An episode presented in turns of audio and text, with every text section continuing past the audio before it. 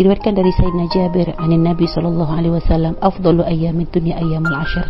Dikatakan oleh Nabi bahwa paling bagusnya, paling utamanya hari-hari di dunia itu adalah 10 awal Dzulhijjah.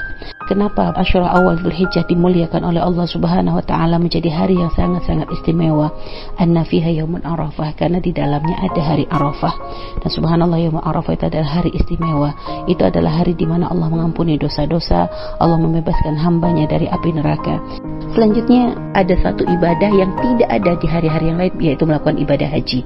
Melakukan ibadah haji tidak ada syariatkan di hari-hari yang lainnya. Maka ini menjadi keistimewaan 10 awal Dzulhijjah.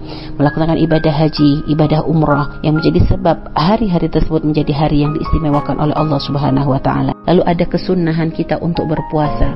Akan tetapi diprioritaskan bagi siapa pun yang ingin berpuasa, paling tidak diusahakan dia bisa berpuasa pada tanggal 1 sampai tanggal 9. Jika ternyata dia tidak mampu minimal pada tanggal 8 dan 9 jangan sampai tidak berpuasa.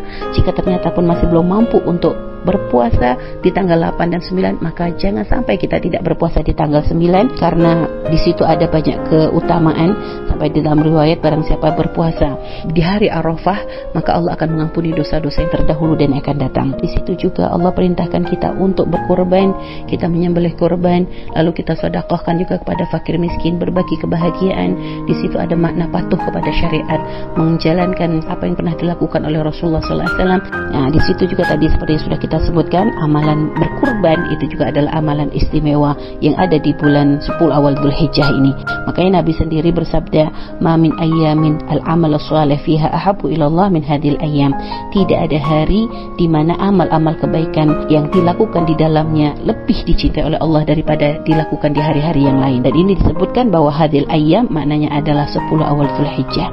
Sampai dikatakan oleh sahabat walal jihad fisabilillah ya Rasulullah, apakah jihad juga tidak bisa mengalahkan dikatakan walal jihad fisabilillah illa rajulun kharaja bi nafsi wa malihi thumma lam yarja min dzalika bi kecuali seorang laki-laki yang dia keluar dengan hartanya dan juga dengan dirinya dan hartanya dan tidak ada kembali sedikit pun kepada dirinya. Artinya tidak ada keuntungan sedikit pun yang didapatkan.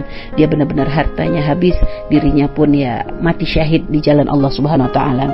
Nah ini sebenarnya dengan apa yang disebutkan? Ini sudah menunjukkan ternyata begitu besarnya keistimewaan atau keutamaan 10 awal Dzulhijjah.